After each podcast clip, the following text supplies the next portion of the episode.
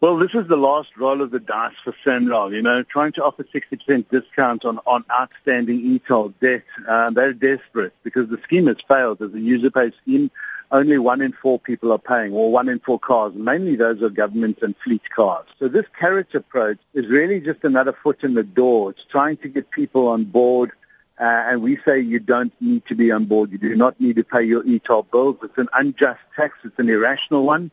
It is, uh, it is a very costly one, and we will defend any one of our contributing members in court if they are summoned for non-payment of toll. So this is the time where civil society must stand strong and um, not fall for these ploys of government and, and not go and pay the 60% discount. Hy sê dreigemente dat motorlisensies terughou sal word dra geen water nie. We also know that they cannot withhold licenses. We'll be fighting those rights of citizens as well. Uh, and it's about time that sanity prevailed on this e-toll matter. Uh, and the only way to do that, the only way to send government back to the drawing board to come to its senses and think about how to pay, uh, pay for these roads in a more efficient manner is to not give in to these tactics of SANRAL and government. Dievenage sê hy vermoed hierdie is die laaste stap voordat SANRAL motoriste gaan begin dagvaar vir die uitstaande bedrag. I think it's it's the last roll of the dice we call it. It's the last strategy. They've got nowhere else to go, you know. For 2 years the scheme has been running and it has failed. User pay schemes must have all users paying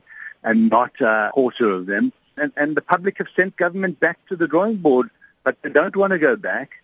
And they're going to try this last ploy And uh, if that fails, I think then they've got no option but to go back to the drawing board. We've got local elections coming next year. This is an unpopular decision, an irrational one.